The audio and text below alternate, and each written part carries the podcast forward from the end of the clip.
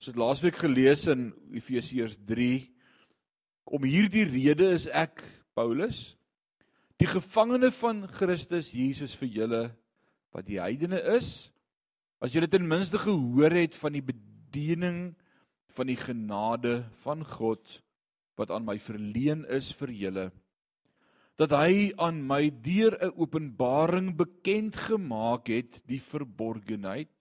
Hoe het Paulus hierdie goed geweet wat hy skryf? Ons het gisteraand daaroor gesels. Hy het 'n openbaring van God gehad, sê hy. Dis aan my bekend gemaak. Hierdie verborgenheid, die woord verborgenheid beteken wat? Dit was weggesteek, dit was 'n geheim. Dit was onbekend. Dit was nie algemene nuus nie soos ek tevore kortliks geskryf het waardeur julle as julle dit lees my insig in hierdie verborgenheid van Christus kan verstaan wat in ander tye aan die mensekinders nie bekend gemaak is nie soos dit nou aan die heilige apostels en profete geopenbaar is deur die Gees, so wat hy die openbaring ontvang van die Heilige Gees af. En dan sê hy naamlik, wat was hierdie openbaring gewees? Vers 6 is die kulminasie of die konklusie van hierdie sin. Dis alles een sinnetjie, dis 'n lang sin.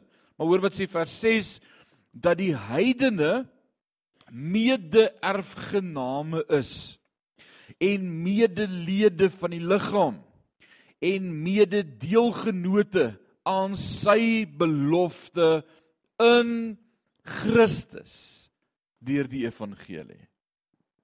Loof die Here daarvoor.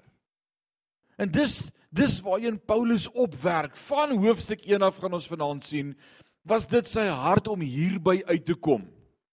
Dis nou wanneer jy vir iemand iets wil vertel maar jy wil nou nie met die deur in die huis val nie. Jy wil daarom eers by die begin begin. En dis presies wat hierdie 3 hoofstukke van Efesiërs 1, 2 en 3 is. Paulus is hy's op pad om iets fenomenaal met die heidene te deel. En as ons praat van die heidene, dan praat ons nie hier van die ongereddes nie, ons praat hier van die heidene wat deel geword het van die kerk van die Here Jesus Christus.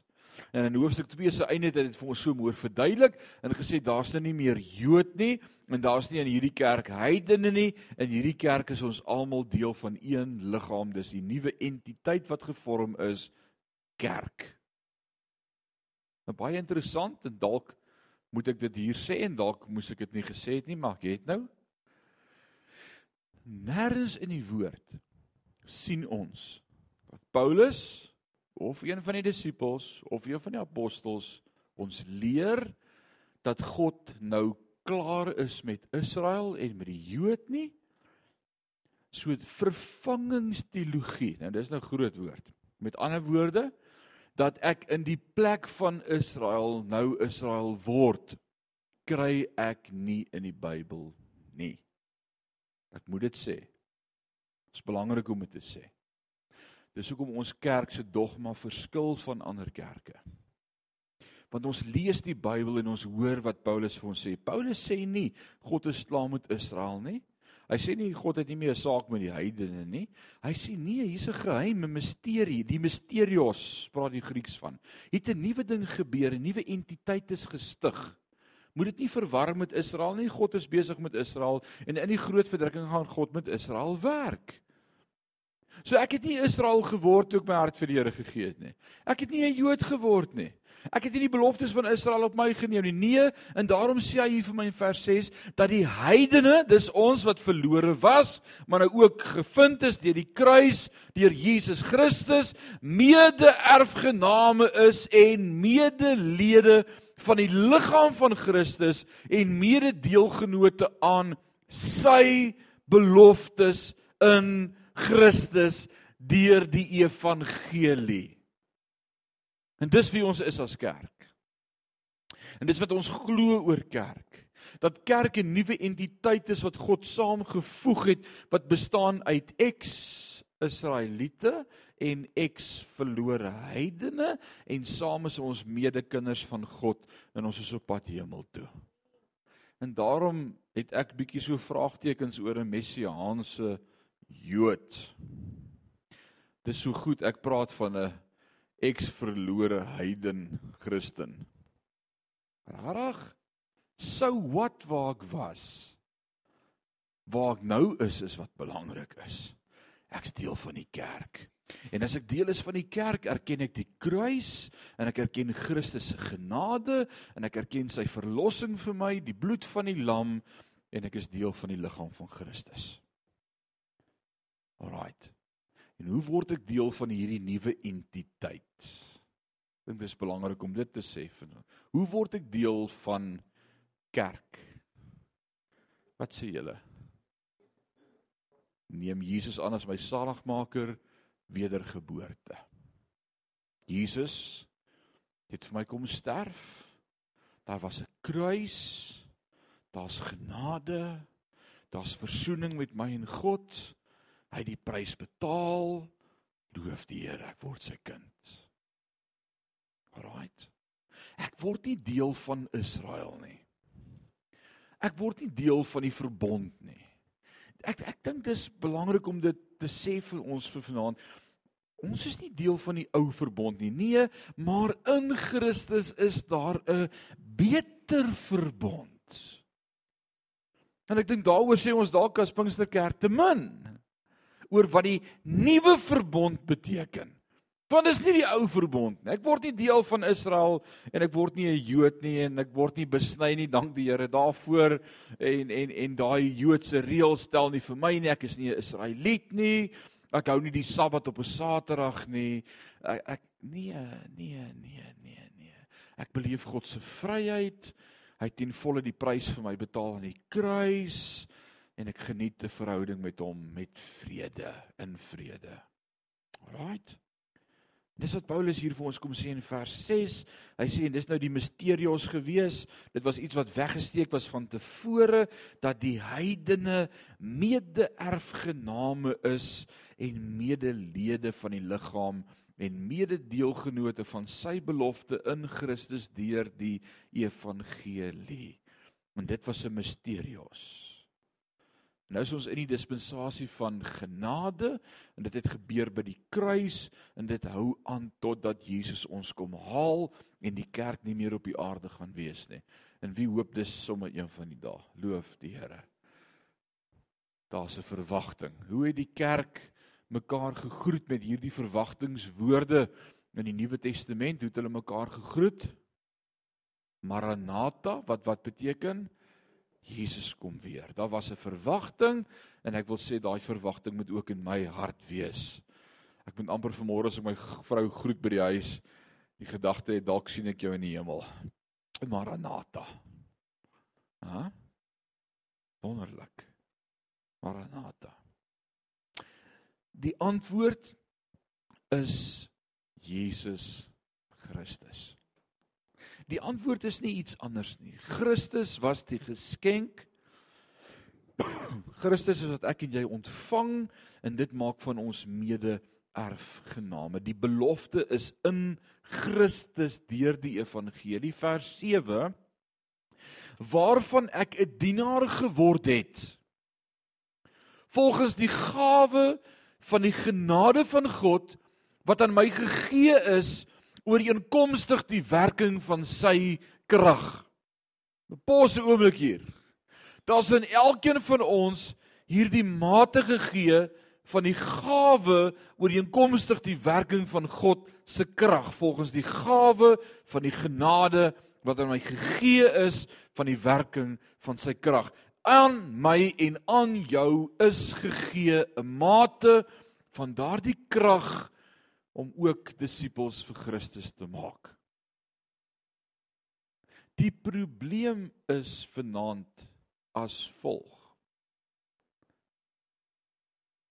Ons dink nie ons kan 'n verskil maak nie. Ek dink nie ek het iets om te sê nie. En ek wil sê die verskonings wat ek en jy uitdink om nie betrokke te wees nie, is so oud soos die berge. Jesus God kom by Moses en hy sê Moses ek roep jou my kind jy het 'n werk om te doen 'n groot werk Ek wil hê jy moet my volk kom lei. En wat doen Moses? Uh hy begin hakkel. En die Here sê maar jy kan dit doen. Hy sê Here maar ek ek ek ek kan nie. En die Here sê maar jy kan. Hy sê ek weet nie of ek kan nie. Terrible. Nou as jy mooi gaan kyk en en mooi gaan dink daaroor en ek wil hê jy moet daaroor 'n bietjie dink as jy weer as jy weer lees in Eksodus en Levitikus. Te midde van die feit dat Moses gesê het ek kan nie praat nie en sommer daarvoor het die Here dadelik vir hom 'n uh, plan gehad. Hy het gesê moenie worry nie, ek sit vir Aaron. Jy gaan nie wegkom nie. Ek het 'n plan vir jou. Nou mag gee ek dan maar vir jou handlanger Aaron om vir jou te praat sê vir hom wat hy wat jy wil hê moet hy sê. En toe Moses nou nie meer 'n verskoning nie. En toe sê Moses nee, maar dan sit seker dan maar reg dat ek en Aaron nou die job doen. Weet jy wat se interessant? Is nêrens het Moses vir Aaron gevra om te praat nie. Hy het self gepraat. Hy het dit so gelike toe hy klik die werk wat God in hom gedoen het en toe hy dit begin verstaan het dat daar was bietjie onmin in die volk gewees en hulle het issues met mekaar en hierdie een het vir daai een se vrou gekyk en hierdie skaap is weg en hulle dink daai buurman het hom geëet en daar's maar onderlinge konflik so in die laar en toe begin hulle moan en toe sê Moses nou maar goed ek gaan 'n tent opslaan en dan van die son opkom tot die son ondergaan kom staan julle hier in 'n ry en dan kom julle een een na my toe en dan kyk ek of ek julle kan help. Hy het dit gelief om te praat. He loved it. Hy het die hele dag gepraat. sien julle wat gebeur? wanneer ek ontdek wat is God se gawe in my lewe en dis presies wat moet gebeur. En dalk sit jy vanaand hier en sê ja, maar ek kan regtig nie. Ek o, ek het nie tyd nie. Die woord gaan net daarmee praat. Hy gaan sê koop die tyd uit. Vra dan vir die Here om vir jou tyd te gee. Vra die Here dat jou tyd vir jou so kosbaar is dat die mense wat aan jou pad langs stuur, mense moet wees wat nodig het om jou pad te kruis sodat jy vir hulle iets kan gee van die evangelie. Iets kan gee om aan te dink. Iets kan share, 'n saadjie kan plant in hulle hart. Weet jy hoe amazing is dit as ek en jy besef dat ek en jy 'n verskil kan maak vir God in die koninkryk. En ek en ek dink dis ons challenge in die dag waarin ons lewe. Om te besef God wil my gebruik. Besef jy dit? Sê gou sê so jy aan die bors en sê God wil my gebruik. Alraai, dis nou vir jouself gewees. Nou moet jy daai vraag antwoord. Jy moet nou respons. Nou wat gaan jy sê? Mm. -mm nie vir my nie. Of wat gaan jy sê vanaand? Of gaan jy sê, "Jesus, gebruik my." Jy sien, dis jou keuse. Dis jou jy besluit. Gaan ek gaan ek daai stappie gee en sê, "O, o Paulus, en ons gaan aan die einde van sy brief sien in hoofstuk 6 gaan hy eers hierdie pragtige deel met ons deel en ek wil dit nou nie vanaand vooruit hardloop nie, maar aan die einde van vers 6 dan sê hy asseblief bid vir my. Bid vir my dat ek met vrymoedigheid die woord sal spreek. En ek het by myself gedink, liewe Paulus, as daar 'n een is wat met vrymoedigheid praat oor die woord, dan is dit jy. En Paulus kom wys vir my, dis nie by natural nie. It's by prayer. Dis nie wie ek is nie, dis wie God my gemaak het. Ek sou nie wou nie, maar hy het gesê ek moet bid vir my dat ek dit aanhou doen. Dis amazing. So vra vir God help my. En hier in vers 7 en 8 kom hy en dan deel hy so iets daarvan. Hy sê waarvan ek 'n dienaar geword het. Dis 'n mooi woord, die woord dienaar. Uitverkoop. Doelos. Ek het 'n dienaar daarvan geword volgens die gawe van die genade van God wat aan my gegee is ooreenkomstig die werking van sy krag. Aan my Paulus sê aan my die geringste van al die heiliges. Nou pause 'n oomblik hier, regtig? Het jy al aan Paulus gedink as jy van Paulus dink in die Nuwe Testament as die geringste van al die heiliges? Inteendeel, ek dink aan hom as hy is die kolonel, hy is die groot kop. Hæ? Hoor wat dink hy van homself? Sê ek is ek is die geringste van hulle almal. Daar's Petrus en hoe al die ander, maar nee, nee, nee ek nie. Hy daar's nederigheid in sy hart. Hy sê aan aan my is hierdie genade gegee om onder die heidene die evangelie van die onnaspeurlike rykdom van Christus te verkondig. Ek wil sê as jy genade verstaan, dan besef jy ek is niks. Maar hy's alles. En ek dink hierdie is vir my 'n bewys dat hy genade verstaan het. Hy, hy het verstaan. Ek is niks nie. Maar hy's alles. En omdat hy alles is, is ek bereid om enigiets vir hom te doen. Ek gaan nie rebelleer en moan en groan en waar ons het so 'n koortjie gesing in die kerk vroeër jare. Waar U my lei, volg ek gewillig. Maar ek wonder hoe gewillig is ons om te volg waar hy my lei. O Heer, ek sal enigiets vir u doen. Mm, behalwe dit. En behalwe daar. En o, moet net nie dit van my vra nie. Ha, is ons nie is ons nie so nie. Ons is gereserveerd, gemaklik in 'n gemaksone. Mag die Here ons help dat ons regtig aan hom so uitverkoop is dat ons sê net wat hy wil, dit doen ek. Dis alles net God se genade. Aan my die geringste van al die heiliges is hierdie groot genade gegee om onder die heidene die evangelie van die onnaspeurlike rykdom van Christus te verkondig. En vir almal aan die lig te bring wat die gemeenskap is van die verborgenheid wat van alle eeue af verborge was in God wat alles geskaap het deur Jesus Christus. Dit is 'n mondvol. En hier begin hy aanraak waarheen is hy op pad? Wat is die hoogtepunt, die kulminasie van van hierdie eerste 3 hoofstukke? Hy sê ek is ek is gestuur om aan die lig te bring.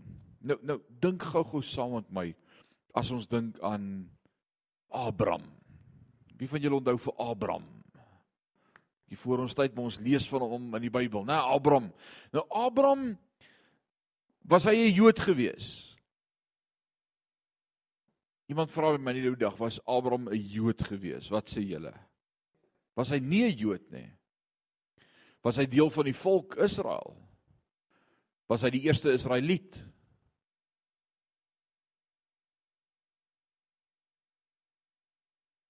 Is ek by die regte kerk? hy was 'n heiden? Alraight. Was daar Jode op daai stadium? Nee, almal was heidene.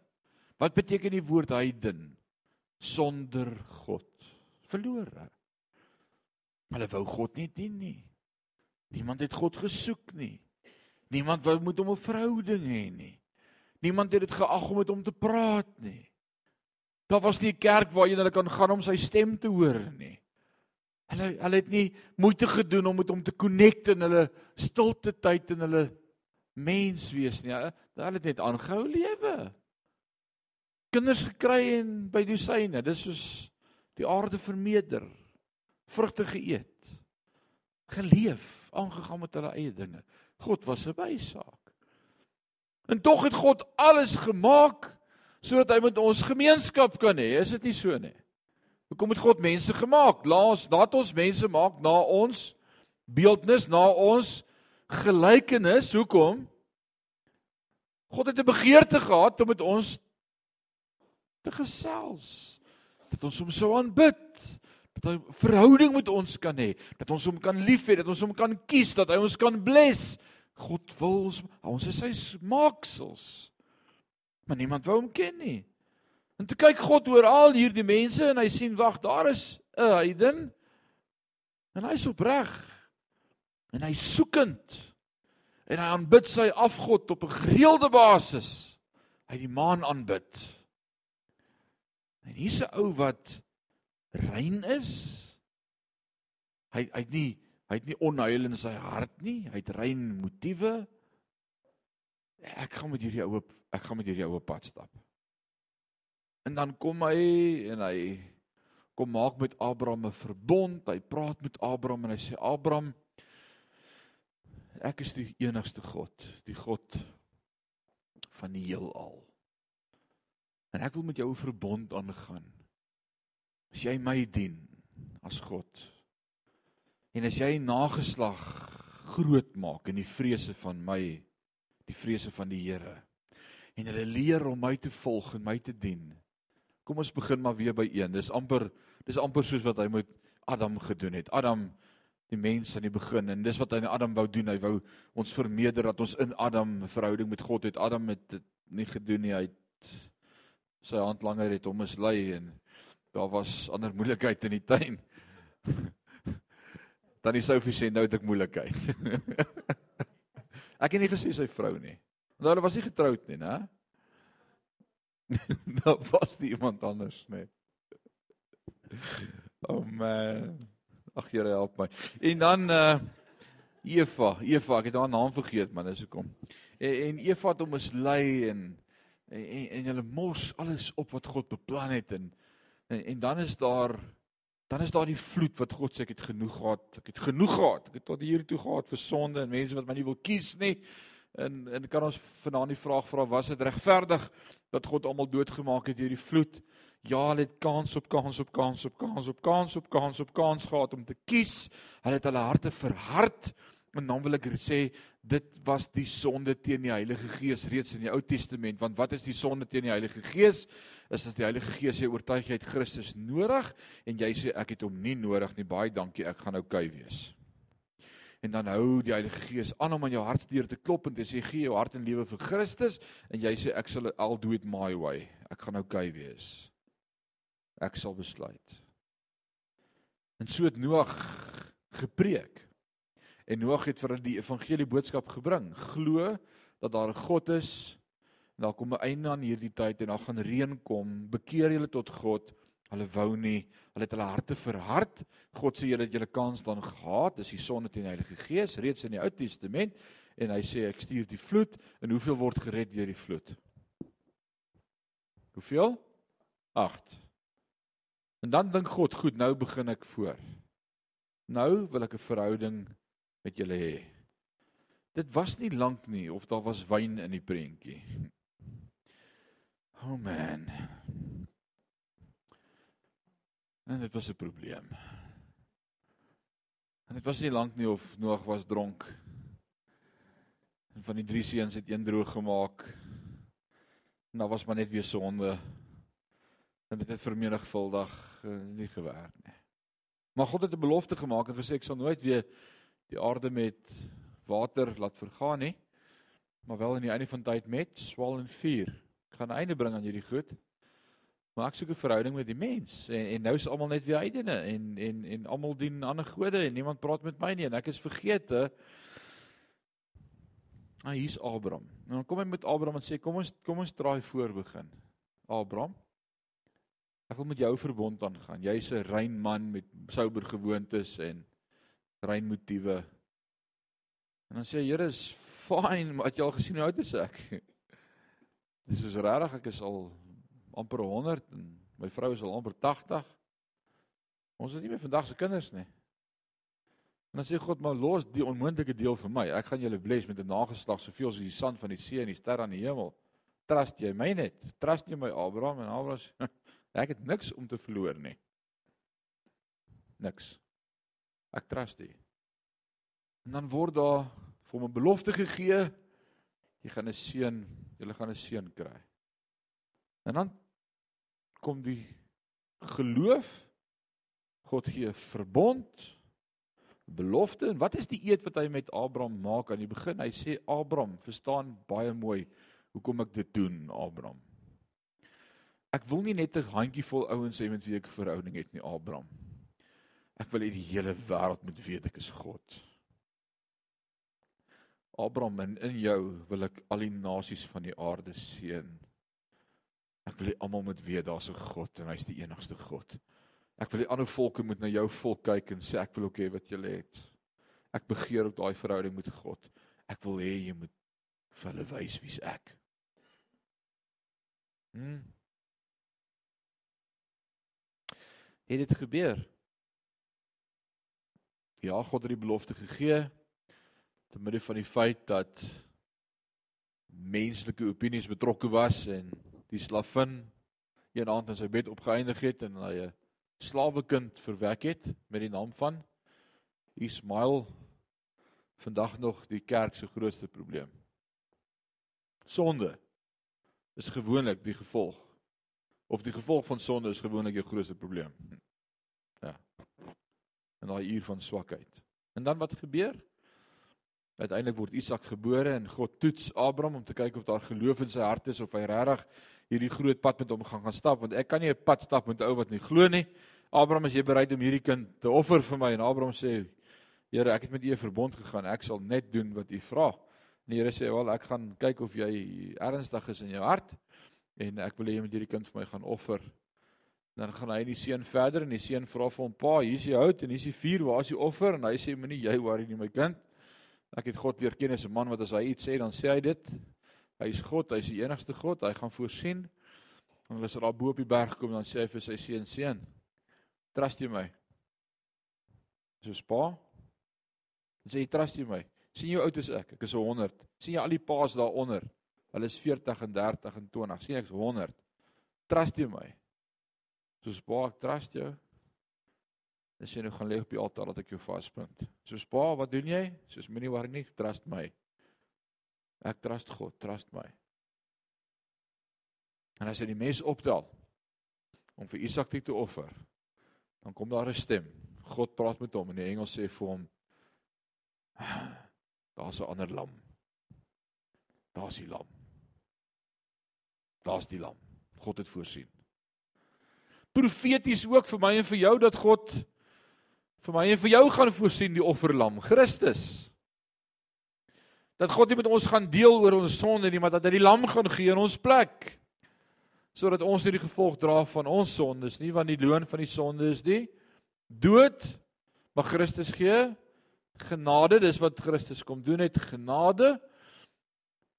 Maar het Israel God se grootheid en sy goedheid bekend gemaak by al die volke en die wêreld na God laat draai en hulle vertel van God se grootheid en sy almag. Nee, hulle het nie. Hulle het vir hulle self gehou. Al die ander volke uitgewis. Die goddelose nasies omgebring. Land beerwe sodat hulle lekker tyd kan hê. En toe kom die nuwe dispensasie kerk en Paulus sê, ek is so bevoorreg om hierdie dispensasie met julle te deel en te verduidelik dat daar 'n beter dispensasie is, genade en dat dit vir almal was, dat dit nou vir almal is. Dis nie meer net vir 'n uitgesoeke eklesia of 'n uitgesoeke groep nie, dit iets open for everyone. Dis vir die wêreld. Wie sou ever, who so ever will wie ook al wil kom kom. Heidene, julle is welkom. Al die nasies wat al ver was, kom. Israel, julle kan ook kom. En dan begin kerk. Is dit nie amazing nie?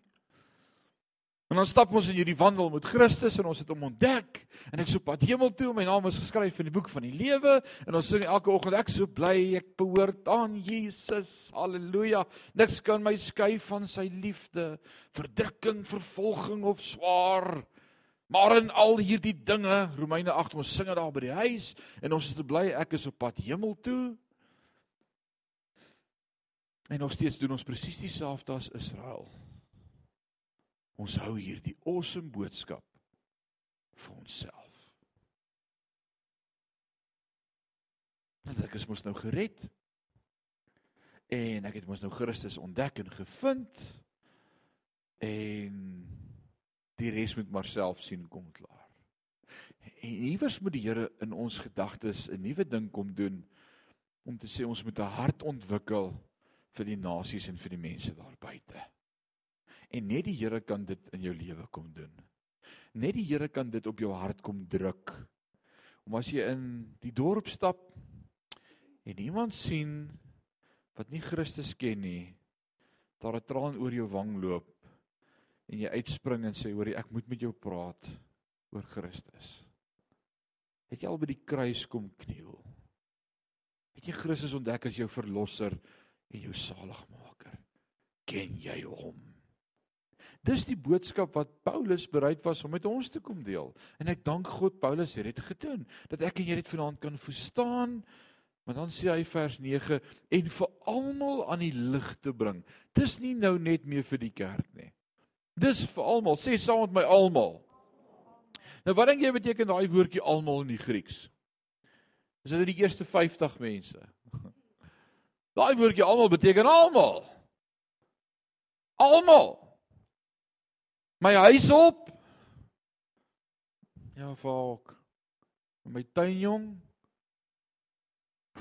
Maar letterlik kerk in te male. Mm.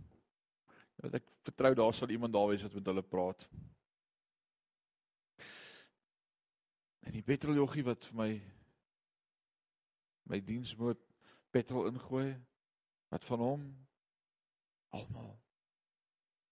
Almal. Almal. En die vir almal aan die lig te bring en wat wil hy aan die lig bring? Hy wil sê wat die gemeenskap is van die verborgenheid die kerk wat van alle eeue af verborge was in God wat alles geskape het deur Christus en ek wil vir jou sê wanneer hierdie ding in jou hart tref wat Paulus hier kom doen in Efesiërs dan sê jy God help my om 'n hart te ontwikkel vir ander mense. Ek kan nie dit vir myself hou nie. Dink gou-gou mooi saam met my wat het hy gedoen van hoofstuk 1 af. Uit uit kom ons kom ons recap net so so vinnig. In hoofstuk 1 begin hy deur vir ons te sê God het 'n werk gedoen. Wanneer het God die werk gedoen? Voor die grondlegging van die aarde. Wat is die werk wat God gedoen het? Hy het besluit wie sy kinders gaan wees. Hmm, hy het ons uitverkies, sê Paulus. En ek gaan nie vanaand weer daaroor praat nie as jy dit gemis het daai eerste aand kry asseblief Efesiërs 1 se CD. Wat beteken God het ons gekies of uitverkies? Hy het geweet wie gaan respond op sy roepstem en omdat hy geweet het, het hy my gekies. Hy wou my hê. Hy het nie gesê nee, sorry, ek wil jou nie kies nie. Hy het my gekies. As ek vir Jacques verduidelik het nou die dag toe hy sê vir my, "Hoe moet ek dit vir die tieners verduidelik of hoe hoe kan ons dit begryp?" Toe sê ek, "As jy en Christian 'n event aanbied daar by Lifted by die tieners, en julle moet twee spanne maak en julle staan daar voor en julle moet elkeen 10 10 tieners kies om in jou span te wees." En jy weet hier sit iemand wat nie van my hou nie. Hy like my niks. Hy wil eintlik nie wees nie. Sy maat hom afgeloo en hy moet nie wees, maar hy's dik bek en hy wil nie eers vir my kyk of luister nie. Gaan jy hom kies om in jou span te wees? Of gaan jy die ou langs aan kies wat sê hier's ek kies my ek wil in jou span wees? Wie gaan jy kies? Jy gaan jou kies wat in jou span wil wees. Maar hy wou in jou span wees, maar jy het hom gekies. Maar sien dis hoe dit werk. God het voor die begin van tyd geweet wie gaan in sy span wil wees. En hy het ons gekies. En hy sê ons dit so mooi. Ek is so bly dat God my gekies het voor die grondlegging van die aarde. Want as hy my nie voor die grondlegging van die aarde gekies het nie en dalk vandag moes kies, sou hy my nie gekies het nie. Wie het dit vir ons gesê?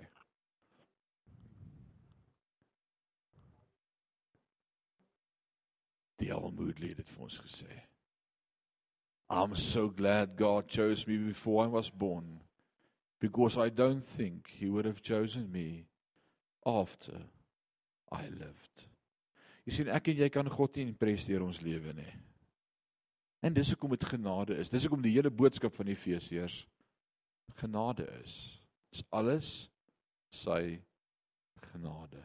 Wie kan op daai sê amen? Amen. Amen. Ons maak plekke droog. Ons maak plekke droog.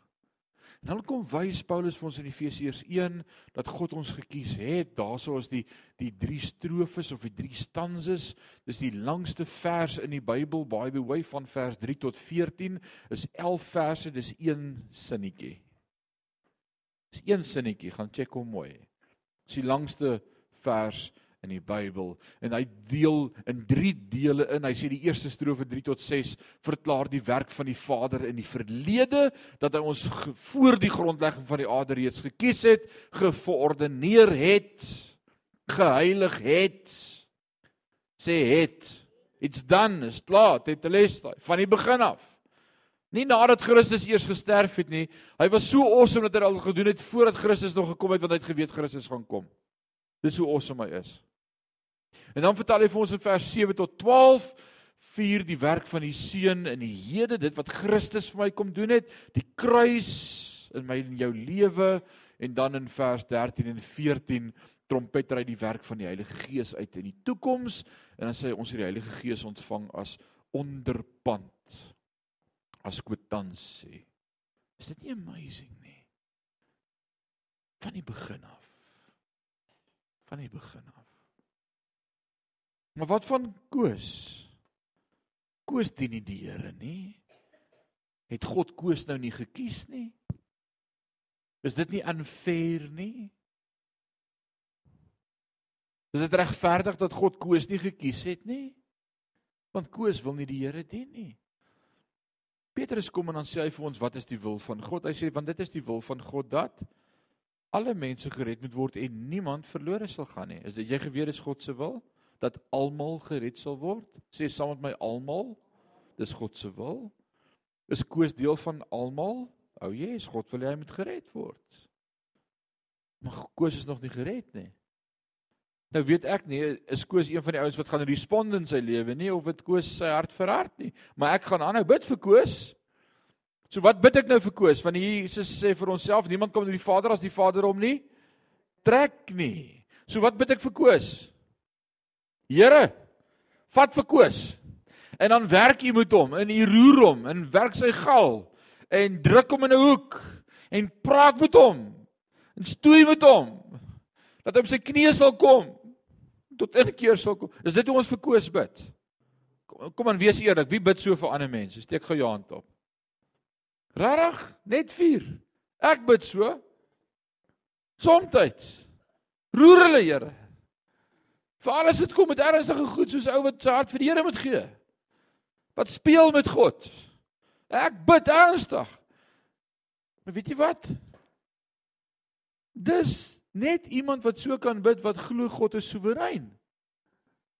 Want anders sou ek moes gebid het, ag Here, los maar vir Koos dat hy self kies om U te dien asseblief. Wees maar net gereed as hy gereed is om sy hart vir U te gee dat U tog nie daar ver is nie, maar dat U naby is om dit te hoor. Gee hom tog net 'n kans. Maar bid ons so vir mense. Ah ah. Nee, ons sê Here, werk met hom, vat hom. Vat sy. Ons glo God is soewerein as ons bid vir ander mense. Maar my eie redding sukkel ek soms om te glo dat God soewerein was, want ek dink ek het 'n keuse gehad. Hoor jy hoe kontradikt ons onsself in hoe ons bid selfs vir mense? So ek glo Koos, jy gaan een wees wat gaan inkom en ek bid vir hom sonder ophou dat hy sy hart vir God sal gee. En een van die dae sien jy Koos kom tot bekering en dan loof ons God omdat hy geweet het Koos gaan respond. Man, it's amazing. En dit kan net die Here doen. Net die Here doen. Alraight. Dan kom hoofstuk 2. En as hy hoofstuk 1 vir ons vertel het, ons is uitverkies en God het 'n plan met ons en Christus het vir ons gesterf en hy het ons die Heilige Gees gegee, dan is daar so een of twee broers in die gemeente wat kan sê, "Jo, my vrou, sien jy hoe awesome mens is ek dat God al hierdie dinge vir my gedoen het na Efesiërs 1 deurgelees is." Wow, om te dink die Here het al hierdie goed vir my gedoen. Ek was daarom nie moeite werd geweest. Die Here het daarom nie sommer net 'n rubbish gekies nie. Ek is 'n man van statuur. God het geweet om my te red en dan kom Paulus en dan sê ek wil nie jy met jouself mislei nie. En ek wil nie jy met 'n dwaas wees nie, maar eintlik was ons almal ewe dood. Jy was mors dood. Moenie dink dit was jy nie. Dit was alles God se goedheid. Dit was nie jy nie.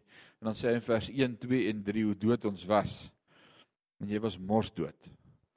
En dan vra ek die vraag: 'n Ou wat dood is, kan hy sy hand uitsteek vir redding? Nee, hy kan nie sy hand opsteek nie. Maar God het jou uit die graf kom ruk. En dan sing die kleerlinge 'n koortjie wat sê soos 'n brandende hout. Hy haal my uit die vuur uit soos 'n brandende hout. Oh man. So hoofstuk 1, ag hoofstuk 2 vers 1 tot 3 het vir ons kom sê ons was dood vers 4 tot 7 en dis die hoofstuk wat sê God werk want dis wat ons in hierdie hele hoofstuk sien vers 4 tot 7 God se werk vir ons God se werk in ons vers 8 en 9 vers 10 sê God werk deur ons en vers 11 tot 21 sê God werk onder ons. As daar een ding is wat jy wil sien of God werk Efesiërs 2 Dit begin deur te sê ons was dood. En dan sê hy maar moenie wag ek wil vir jou iets vertel. God God werk. God werk vir ons. Hy werk in ons. Hy werk deur ons. Hy werk onder ons wie kan sê amen jy weet hoe's die Here met jou besig dis amazing it's beautiful hoor wat skryf Martin Luther when i look at myself i don't see how i can be saved but when i look at jesus I don't see how I can be lost. Wow. Hoe meer ek dit lees, hoe meer is dit vir my wow. Is dit nie amazing nie? En jy sê amen. Right. Dis hoe awesome God is. Wanneer ek na myself kyk, is daar nie 'n manier dat ek myself kan red nie. Maar wanneer ek na God kyk, is daar nie 'n manier wat hy my gaan los nie. Ah, oh, Jesus het my gered. Hy het my kom skoonmaak. Hy het my kom vrymaak. Hoor wat sê Charles Spurgeon, een van ons groot teoloë aan die einde van die 1800s. Hy sê, "Oh, if God were to put my salvation in my hands, I should be lost in 10 minutes. But my salvation is not there, it is in Christ's hands." Jou verlossing was nie in jou hande gewees nie. Dis wat Efesiërs 2 vers 6, 7, 8, 9 vir ons kom sê dat ons gered word deur die geloof, nie deur werke nie, maar deur ons geloof. En dan sê hy en selfs daardie geloof was 'n gawe van God sodat niemand mag roem nie. God wil nie jy moet roem in jou geloof nie. Dit was alles hy Charles Spurgeon het verstaan. Hy sê but my salvation is not in my hands, it's in the hands of Christ. Koop jou verlossing was in Christus se hande. Dis 'n goeie plek. Dis alles in sy hande gewees. Christus. En dan het ons by hoofstuk 3 gekom vanaand. In hoofstuk 3 het hy met ons kom praat oor hierdie groot misterie, hierdie groot plan wat hy gehad het. En dan wil ek vanaand sê dit kom by 'n kulminasie uit. Wat is 'n kulminasie? Dit kom by 'n hoogtepunt uit. Wat is die hoogtepunt? Lees gou saam met my daai vers 10 en 11 net weer van Efesiërs 3 wat sê sodat nou deur die gemeente aan die owerhede en magte in die hemele die menigvuldige wysheid van God bekend gemaak kan word volgens die ewige voorneme wat hy opgevat het in Christus Jesus ons Here. En dis daardie eenheid met my en God. As daar iets is wat Paulus wil hê ek moet verstaan na hoofstuk 3, is as daar moet 'n eenheid wees tussen my en God en die kerk. God het homself vir die kerk gegee. Daar's eenheid. Alraight. Eenheid. God het 'n eenheid vir ons bewerk met die Vader. Jesus het vir ons 'n weg gebaan, verhouding met die Vader, eenheid. Nou as ons in die lig van dit gaan kyk volgende week na hoofstuk 4 5 en 6 dan is dit wat ons daarin gaan sien. Want nou gaan Paulus prakties raak rondom verhoudings en om daai eenheid te alle koste te bewaar. En dan praat hy oor verhoudings en hy praat oor mans en vrouens en kinders en ouers en werknemers en werkgewers en hè verhouding. Verhouding. Maar eers moet ons verstaan die werk wat God vir ons gedoen het, dat dit genade was en dat daar 'n eenheid is tussen my en God, my posisie en ek dink gister het ek dit verduidelik en ek dink ek moet dit dalk net weer vinnig verduidelik van heiligheid, die drie stappe van heiligheid. In die eerste plek wil ek sê wat is jou vertrekpunt of jou posisie of jou posisionele heiligheid wat jy het in Christus. Attie sê saam met my in Christus. Wie's ek? Ek is heilig in Christus. Tanya, wie's jy? Heilig in Christus. Dis wie ek geword het die oomblik toe ek God se kind word, is ek geheilig, ek's in Christus. Maar ek doen nog dinge. Ek het nog issues. Ek gooi nog tantrums. Hoe verstaan ek dit? En nou praat ons van progressiewe heiligheid, hierdie elke dag se wandel en ons noem dit heiligmaking. Hierdie stappie elke dag om elke dag meer van myself oor te gee en God meer geleentheid gegee om my lewe te verander en te sê nee, kry 'n ander manier van dink. Romeine 12 vers 2 word vernuwe deur julle denke. Sê sorry, vergewe my. Ek wil nie meer dit doen nie. Ek wil nie weer kwaad word nie. Ag Here, sorry, ek gaan nie weer dit so doen nie. Verander my, help my. En wie weet na 'n tyd in jou lewe is daar goed in jou lewe wat jy al oorwin het deur die genade van die Here. Wie kan sê amen? Loof die Here God. Hy verander ons. The things I used to do, I do them no more. But I still do things. en die Here moet daarmee werk. Alraight. En dis daai progressiewe heiligmaking. Nou wil ek die volgende vraag dan nou vra. Want baie weke het jy 'n awesome week. Jy stap hier uit en jy fluit ek is op pad hemel toe tot by die kar en jy ry heerlik tot by die huis en hierdie is net 'n awesome week. Man, niemand pla jou nie, niemand bodder jou nie. Daar's nie slegte nuus nie. Jy kyk nie nuus nie. Jou man glimlag net die hele tyd vir jou en jy glimlag terug. Dit gaan net amazing of sy dalk by haar skoonma gaan kuier vir 'n week. Dit is net amazing. Daar's vrede in die huis. Alles gaan great. Ek bid elke dag, ek praat met die Here, ek lees sy woord, hy praat met my. Dis amazing. As die Here nou kom, is ek in die hemel, reguit in die hemel. Ek is heilig. Ek voel heilig. Volgende week. Dit was nou nie my week gewees hierdie nie. Jy weet die hond het voor die kar ingehardloop en toe skree jou vrou op jou en toe skree per ongeluk terug en sy hoor toe nou nie en toe nou ja, toe ry jy deur die garage se muur en so die week begin en dit het net geeskaleer en, en jy het vergeet om te bid want jy voel so skuldig oor wat gebeur het dat jy nie wil bid nie en omdat jy nie bid nie, kan jy nie bid nie. En jy wil nie eens vir die Bybel kyk nie. Jy draai hom tot om op jou bedkassie dat hy nou nie vir jou wys die Bybel nie. Dis net so uh en jy leef net die week en jy voel net hierdie week voel ek verlore.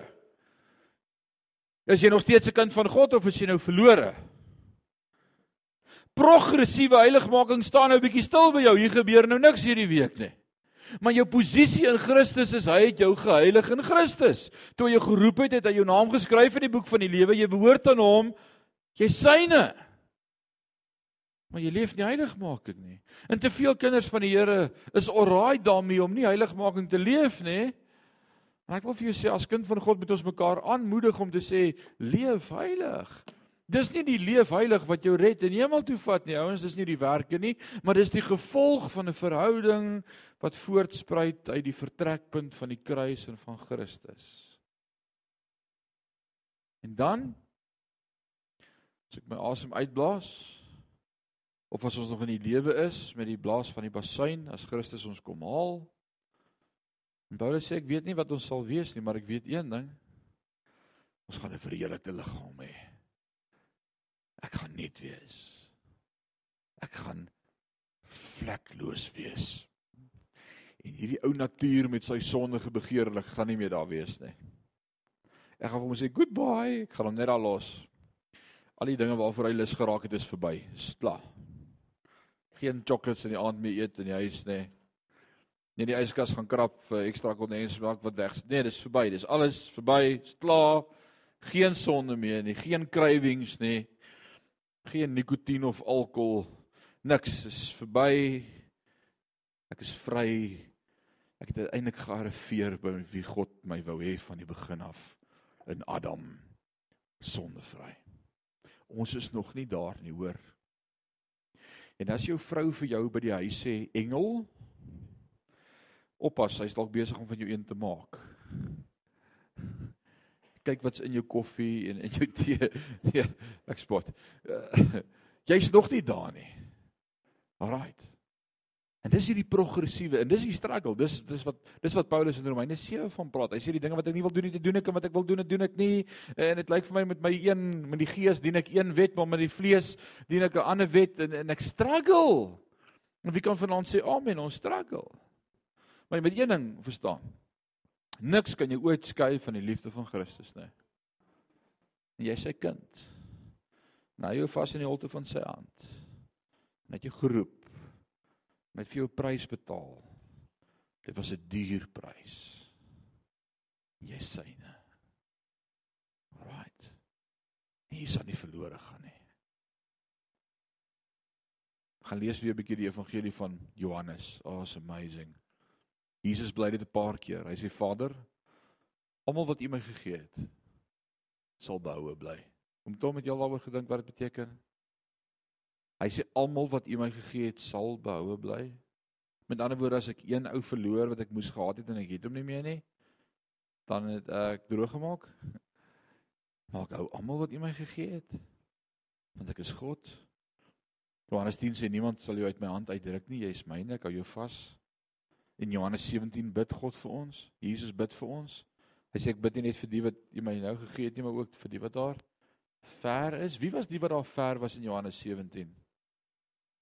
Ons, die heidene, die verlore nasies. God het ons kom vind. Ons kan nie hierdie boodskap vir onsself hou in die kerk. Ons kan nie. Ons moet vir die Here vra om ons te help om ons gedagtes te verander dat ons hierdie kosbare boodskap ook met die nasies daar buite kan deel. Volgende week as die Here ons spaar Johannes, ag Johannes. Efesiërs hoofstuk 4. Kom ons staan en bid ons saam. Loof die Here o my siel. En alles wat in my is, loof sy heilige naam. Vergeet geen een van sy weldade nie. Want hy is 'n awesome God.